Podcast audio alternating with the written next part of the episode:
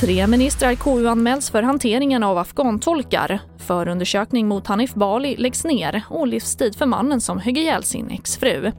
Ja, först i TV4-nyheterna en månad har gått sedan den kaosartade internationella evakueringsinsatsen från Kabul avslutades. Och nu anmäler Moderaterna tre ministrar till konstitutionsutskottet för den svenska hanteringen av afghanska tolkar som jobbat för Sverige. Ministrarna som anmäls är justitieminister Morgan Johansson, utrikesminister Ann Linde och försvarsminister Peter Hultqvist. Här hör vi moderaten Paul Jonsson om varför man gör den här anmälan. Vi uppfattar att regeringen har brustit både i sak och i form när det kom till evakueringen i Afghanistan.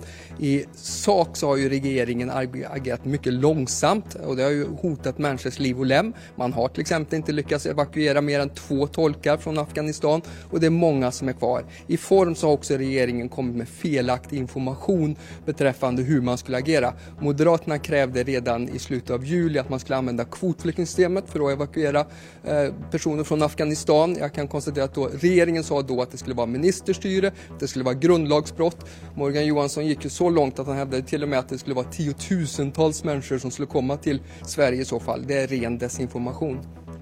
Och mer om det här kan du se på tv4.se. Och förundersökningen mot den moderata riksdagsledamoten Hanif Bali läggs ner, det meddelar Åklagarmyndigheten.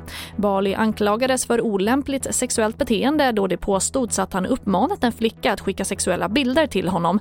Men efter att åklagaren fått se bilderna har de konstaterat att de aktuella bilderna inte utgör sexuell posering. Och vi avslutar med att en man som överföll sin tidigare hustru och dödade henne med ett 40-tal knivhugg på resecentrum i Linköping i april i år döms till livstidsfängelse för mord.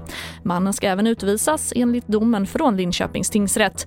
Förutom mord döms han för grovt olaga hot mot en man som försökte avvärja attacken mot kvinnan.